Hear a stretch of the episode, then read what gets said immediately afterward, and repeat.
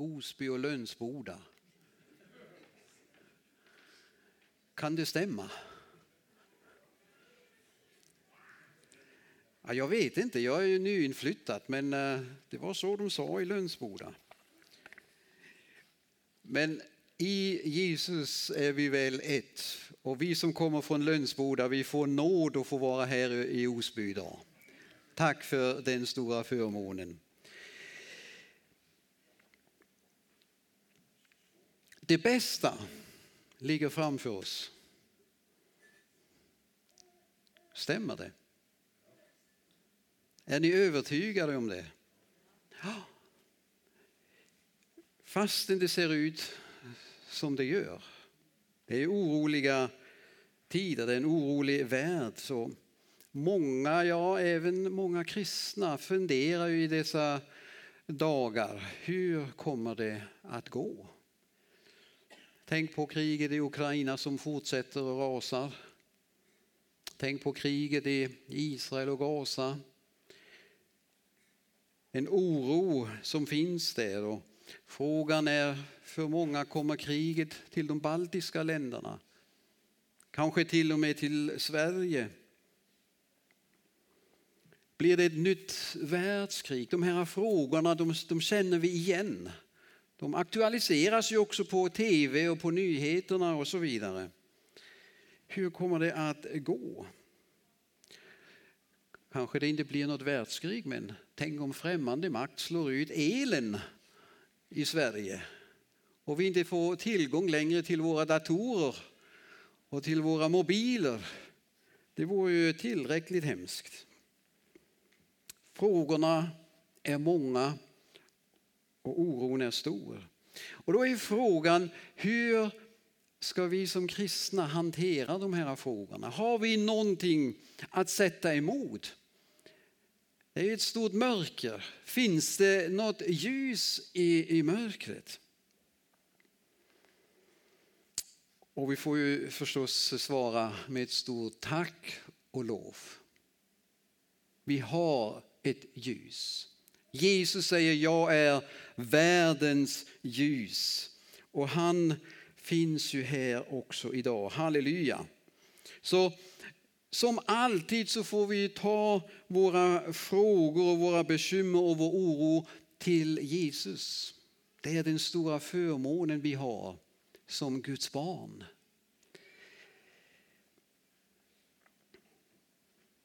Tänk på lärjungarna, några av lärjungarna som satt i fängelset. Det var ingen rolig situation och det var livshotande. Det fanns ju dödsstraff på den tiden. Och så läser vi om hur de har ett härligt lovsångsmöte mitt i natten, mitt i fängelset. Varför? Hade deras situation förändrats? Nej, de satt där, visste inte hur det skulle gå. Men de prisade Jesus. Skillnaden var att Jesus var med dem i fängelset. Han var mitt i svårigheterna. Eller tänk på den situationen där lärjungarna hamnade i en livshotande storm. Vad gjorde de? De ropade på Jesus. De väntade inte på att det skulle bli lugnt och en fin solnedgång och allt blir så där fantastiskt och nu har vi Jesus med oss. Nej, mitt i stormen så ropar de på Jesus. Och det är det vi får göra. För han är aldrig så långt borta att han inte skulle höra oss. Eller tänk på aposteln Paulus. Även han satt ju många gånger i fängelset. Och igen samma situation, man visste inte hur det skulle sluta.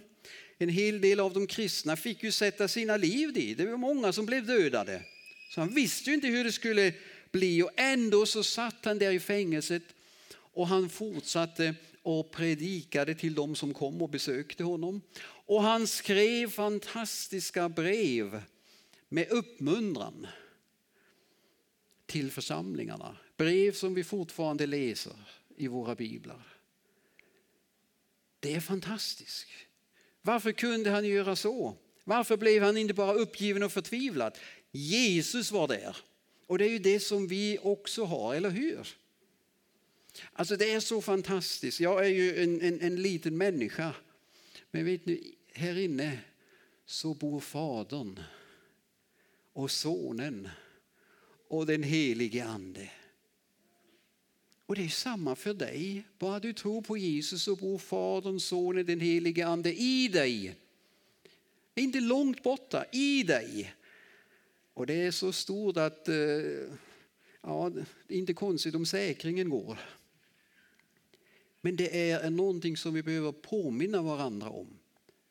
På morgonen när du går upp, när du tittar på dig själv i spegeln, säg högt.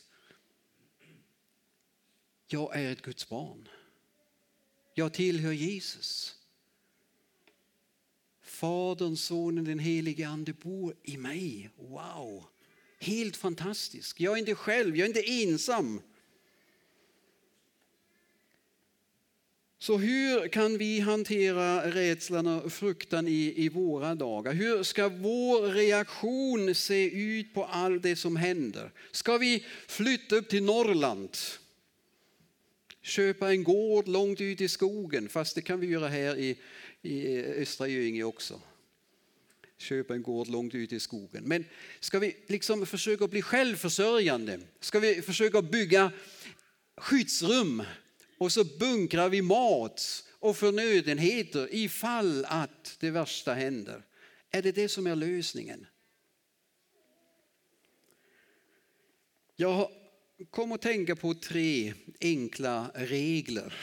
Jag skrev så här, förhållningsregler i krissituationer. Ni vet, regeringen har skickat ut en sån här broschyr för några år sedan. När kriget kommer och så finns det olika regler vad man ska göra, hur man ska förbereda sig för krissituationer. Eh, det är en liten sån tanke bakom predikan här idag. Förhållningsregler i krissituationer. Regel nummer ett.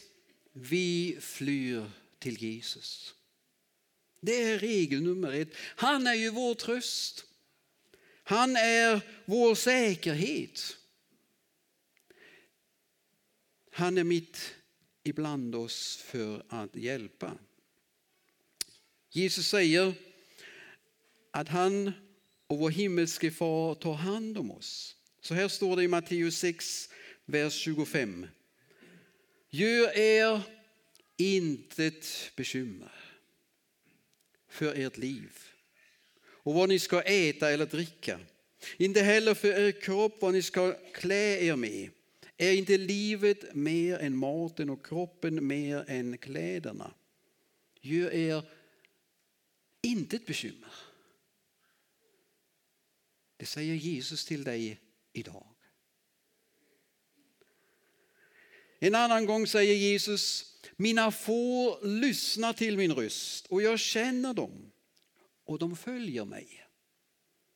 Jag ger dem evigt liv och de ska aldrig någonsin gå förlorade och ingen ska rycka dem ur min hand. Vad min fader har gett mig är större än allt och ingen kan rycka dem ur min faders hand. Två gånger säger Jesus detta i Johannes 10, verserna 27 till och med 29. Ingen kan rycka dig ur faderns hand. Tänk på den värsta situationen du kan tänka dig. Och så lägg det till ingen och inget. Tänk dig på den mäktigaste fienden du kan tänka dig. Och så längtar det till ingen och inget. Inte ens djävulen själv. Inga demoner, inga makter kan rycka dig ur Faderns hand. Är inte det fantastiskt? Det är nästan värt ett litet halleluja. Vi är ju ändå i en pingstkyrkan, eller hur? Redan i gamla testamentet står det så här i Ordspråksboken 18, vers 10. Herrens namn är ett starkt torn. Den rättfärdige skyndar dit och får skydd. och som vi alla sjunger så många gånger, tryggare kan ingen vara än Guds lilla barnaskara. Och det är här tron kommer in. Vi är ju människor som hävdar att vi tror. Tror vi det som Jesus har sagt? Han säger jag är med dig, jag räddar dig, jag frälsar dig. Tror vi honom? Var inte oroliga, säger Jesus, eller modlösa. Jesus säger, jag är med er de flesta dagarna. Jag gör vissa undantag. Och så slutar jag när Ryssland attackerar Ukraina. Då backar jag. Då är jag inte längre med i båten. Hoppas att ni protesterar, i alla fall lite tyst inombords. Nej, Jesus säger jag är med er alla dagar. Varenda dag. Intill tidens slut. Så det här upphör inte även om ändens tid skulle börja. Eller den har ju börjat på sätt och vis. Även om antikrist skulle dyka upp imorgon. Jesus säger jag med alla dagar intill tidens slut. Tror vi det? Kan vi tro på detta fantastiska löftet? Det var regel nummer ett. Fly till Jesus. Ta din rädsla och din oro och fly till Jesus. Regel nummer två det är att vi lyfter våra ögon upp och ser på Jesus. Vi sjöng om det också. Sista versen vi sjöng här precis, jag, jag blev så glad när vi sjöng den. Tack för den. Helt fantastisk när oro och sorg kommer så ska vi göra en sak. Vi ska lyfta våra ögon och se på Jesus. Han är ju verkligheten själv. Vår blickriktning påverkar oss. Tänk dig du kör bil. Är det någon här som kör bil ibland? Ja. Vad händer om du tittar till höger medan du har handen på ratten? Ja, risken är stor för att du också styr mot höger. Vi ska ha ögonen fästa på vägbanan, eller hur? Blickriktningen påverkar oss. Om vår blick är fokuserad på alla rapporter om krig och elände och, alla, och inte minst alla skräckscenarion som alla möjliga experter målar upp för oss, då blir vi såklart påverkade av det. Det finns så många experter. Och ju djupare man går in på Youtube och annat, ju fler experter finns det. Och det finns varningar, tänk, varning för högt vattenflöde och varning för och varning för och varning för. Man vågar ju knappt att gå utanför dörren. För det är varning för någonting. Det påverkar oss. Och därför behöver vi balansera allt detta negativa. Vi behöver balansera detta skräckinjagande genom att vi har ännu mer fokus på Jesus och hans löften. Det är en regel i dessa kristider. Gör det mer än någonsin.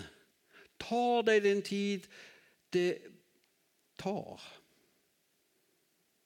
Och fäst dina ögon på Jesus och hans löften. En halvtimmes rapport borde balanseras med minst lika mycket tid i bön och läsning av löftena tycker jag. Det kan vara en bra tumregel. Det förändrar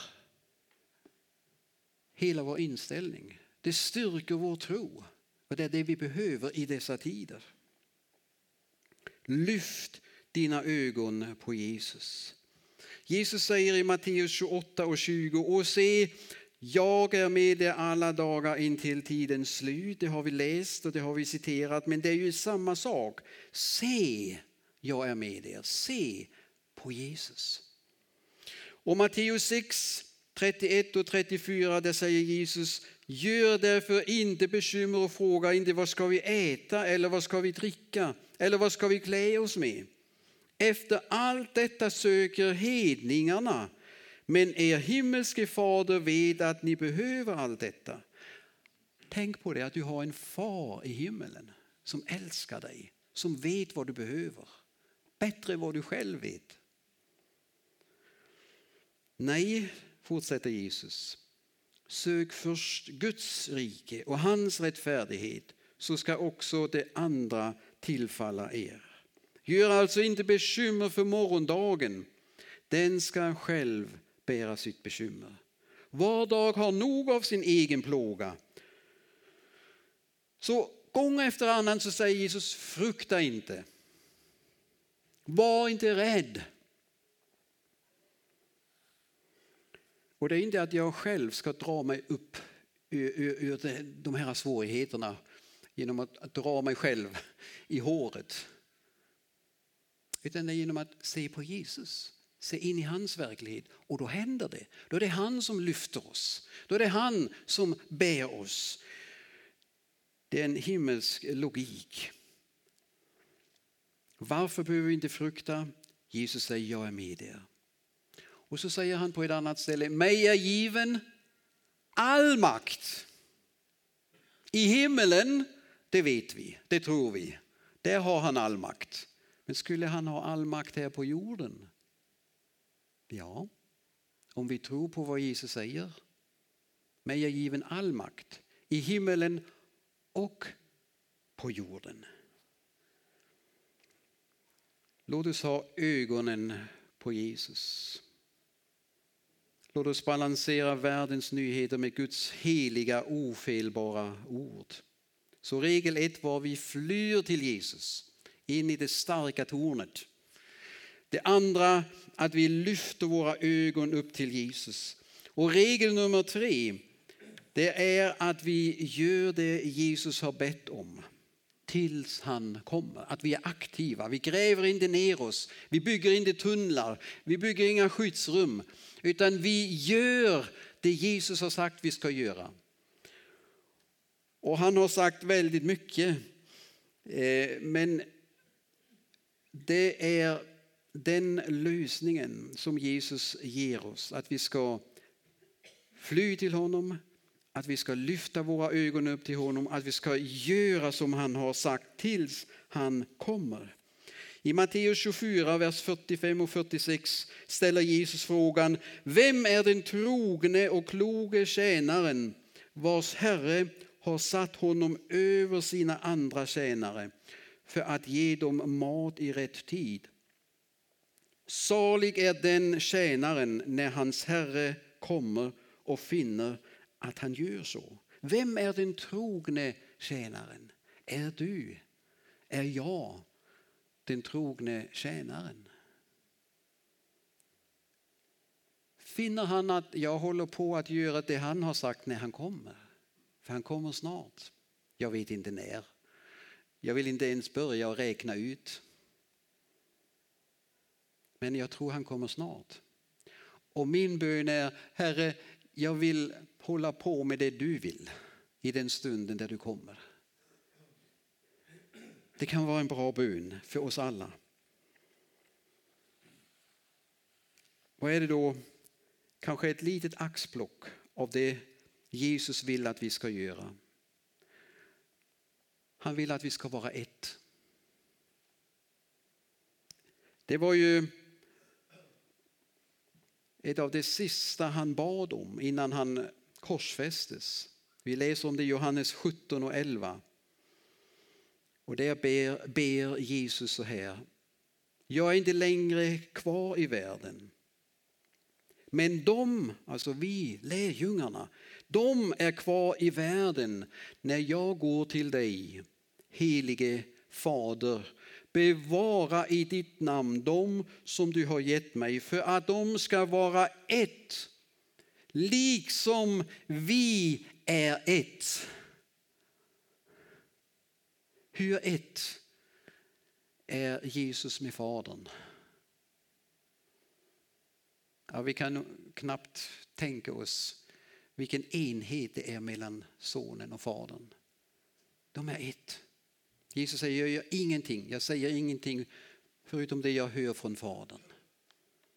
Det var hans tjänst på jorden.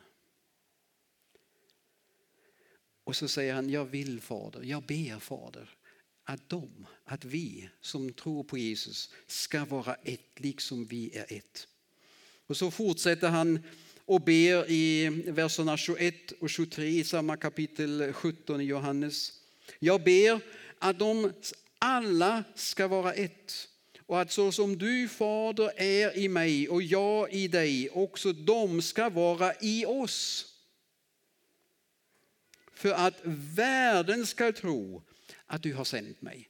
Vi funderar många gånger på hur kan vi visa för världen runt omkring oss att Jesus är en verklighet. Här ger oss Jesus själv en tydlig väg. Genom att vi är lika ett med varandra och med Jesus och med Fadern som han är med Fadern. Jesus säger, för att världen ska tro att du har sänt mig. Och den härlighet, förlåt, och den härlighet som du har gett mig har jag gett dem. För att de ska vara ett liksom vi är ett. Jag i dem och du i mig för att de ska vara fullkomligt förenade till ett. Då ska världen förstå att du har sänt mig och har älskat dem så som du älskat mig. Det är ett fantastiskt program. Vi kanske bara behöver lyssna på vad Jesus säger med tanke på evangelisation. Det hjälper att lyssna på Gud. Det finns alltså en otrolig styrka i enhet och den behöver vi i dessa krissituationer.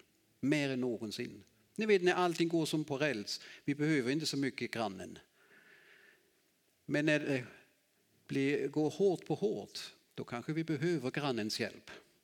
Och så är det just nu här bland oss troende. Vi behöver varandra, vi behöver stötta varandra, uppmuntra varandra. Ring när anden påminner dig, så ring till någon som eh, kommer upp eh, eh, ja, framför dina inre ögon. Och ring och prata och trösta och berätta något fantastiskt. Eller be, eller lyssna bara. Vi behöver stötta varandra. Det är otroligt viktigt i dessa tider.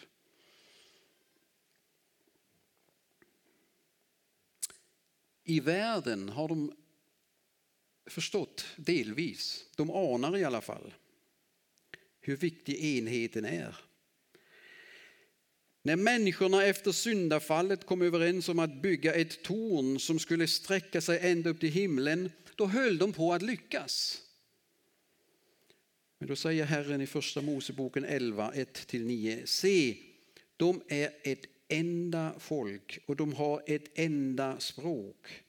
Detta är deras första tilltag och härefter ska ingenting vara omöjligt för dem, vad de än beslutar sig för. Vi vet att som konsekvens så skickade Herren språkförbistringen och han spred ut dem över hela jorden. Och i våra dagar finns det nya försök till den här mänskliga enheten. Man vill göra på ett liknande sätt. Man försöker återskapa det som Gud tog ifrån oss den gången genom att skapa större och, och större eh, politiska och humanitära organisationer.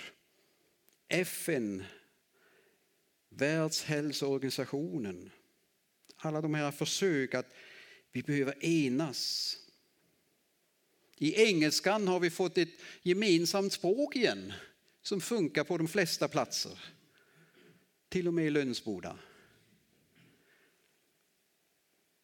Man försöker kringgå det som Gud hade försökt att förhindra. Det forskas över alla nationella och etniska gränser och vi flyger upp till rymden tillsammans. Så jag tror att världen, alltså Satan till och med, för det är ju världens ande. Det är ju hans ande som står bakom. Anar hur viktig enheten är, även om de som väl är inte alltid lyckas. Har vi som kristna förstått detta? Det är någon som har uttryckt det så fint. Låt oss vara ett i det väsentliga. Ge frihet i det oväsentliga.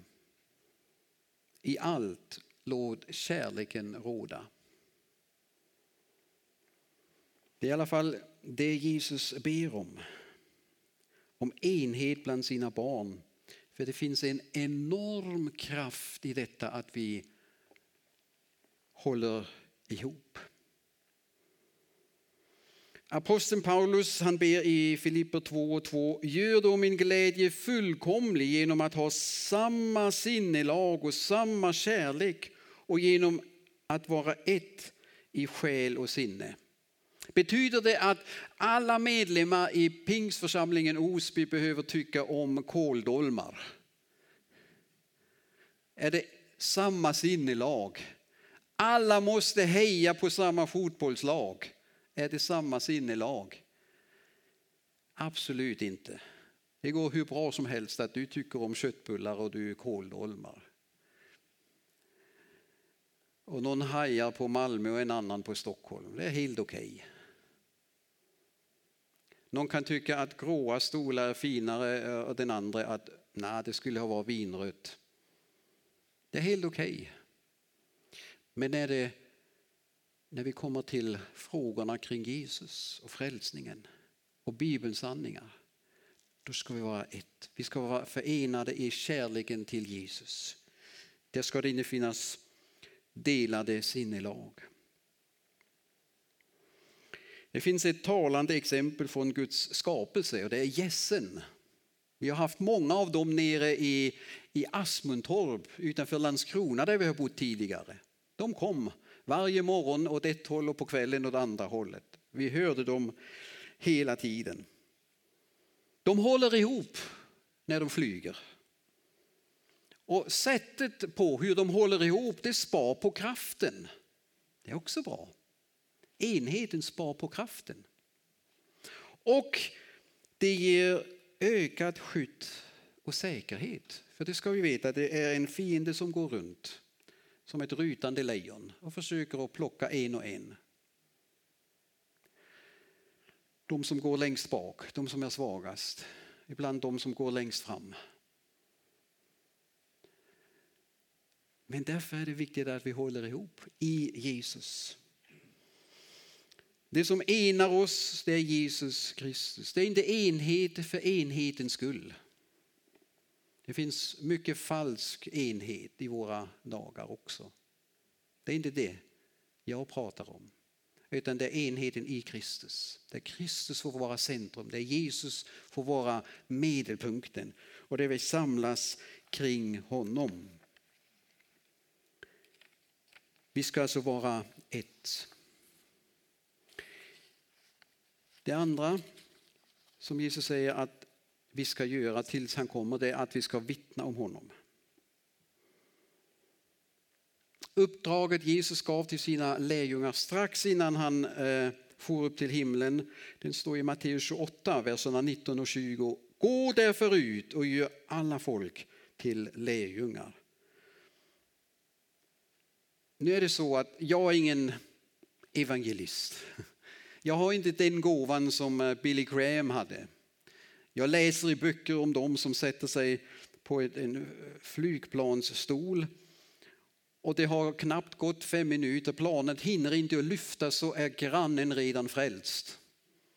Jag har läst om sådana, det är inte jag.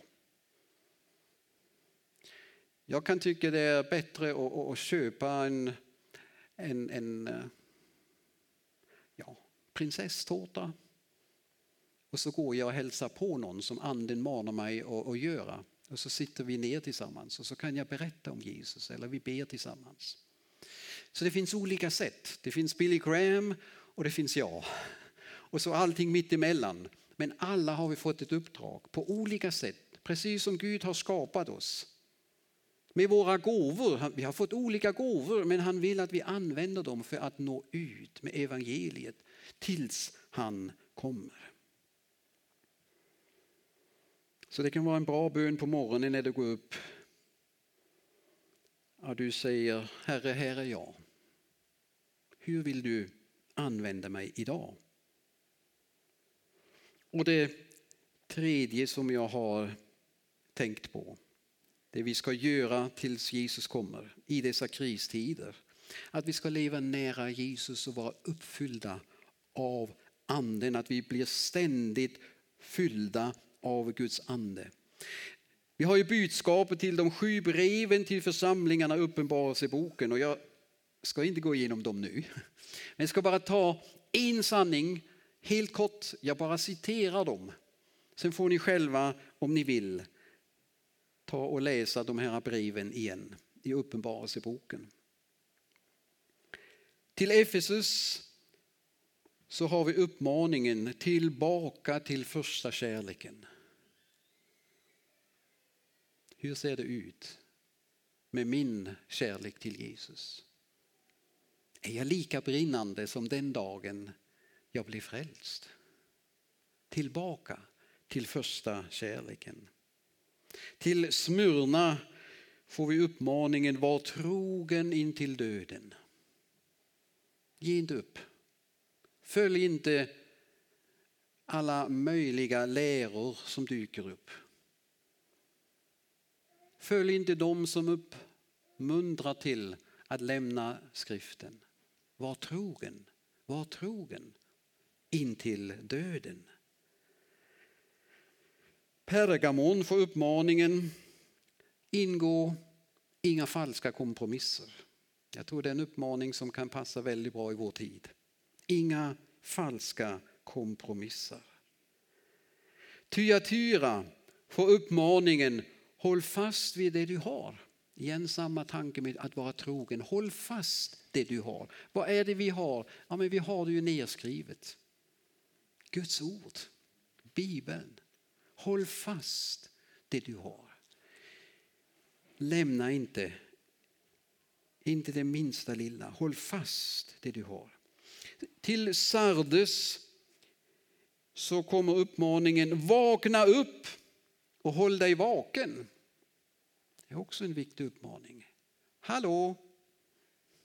God morgon! Vakna upp! Ni vet det här hemska ljudet på morgonen, väckarklockan. Vi behöver ha en sån väckarklocka lite då och då, mitt ibland oss. Vakna upp och håll dig vaken. Till Philadelphia kommer samma uppmaning, håll fast det du har och till Laodikea, var ivrig och vänd om.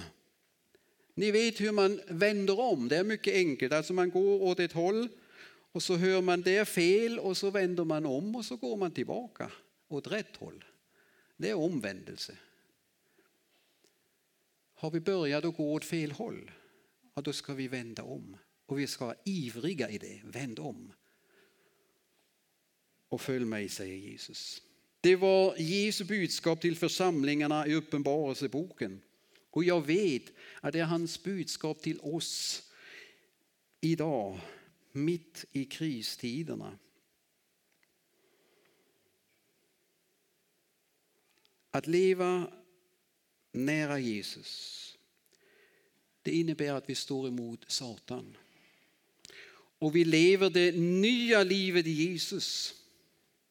Och för det behöver vi bli uppfyllda av Guds heliga ande ständigt, igen och igen, dagligen. Det är inte en sak som jag kan säga, oj det hände när jag var 16 eller 13 eller 15, vad vet jag. Halleluja, det hände då, jag blev andedöpt. Men det räcker inte. Idag behöver jag en påfyllning av den helige ande. Och det är så vi kommer rätt i dessa kristider. Och jag vill avsluta med att än en gång säga, det är inte panik som ska stå på vår panna. Mitt i alltihop, alltihopa som sker. Det är inte panik, det är inte rädsla och ångest som ska styra oss som kristna. Det som ska styra oss det är tanken att Fadern, Sonen och den helige Ande bor i varje pånyttfödd kristen. Och som avslutning ett härligt ord från andra Timoteus 1 och 7. Ty den ande som Gud har gett oss gör oss inte modlösa utan är kraftens, kärlekens och självbehärskningens ande. Amen. Herre, jag tackar och prisar dig att vi får ha det på detta fantastiska sätt i dessa kristider. Att vi får fly till dig med vår oro, med vår rädsla, med allt. Tack Herre att vi får lyfta våra ögonen och se in i verkligheten själv. Alla ting runt omkring smälter bort som snö i ljuset av din ära och makt. Och tack Herre att du har gett oss ett uppdrag och det är inte fullbordat. Det finns människor du vill frälsa. Det finns människor runt omkring oss i våra liv och i främmande länder som du vill att de ska få höra budskapet om din kärlek, om din förlåtelse.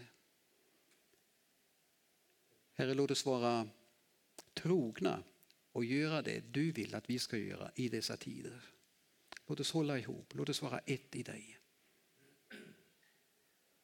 Vi tackar och prisar dig Jesus för det verk som du har börjat i oss, som du har lovat att du också ska fullborda. Så att ditt namn ska bli förhärligat. Amen.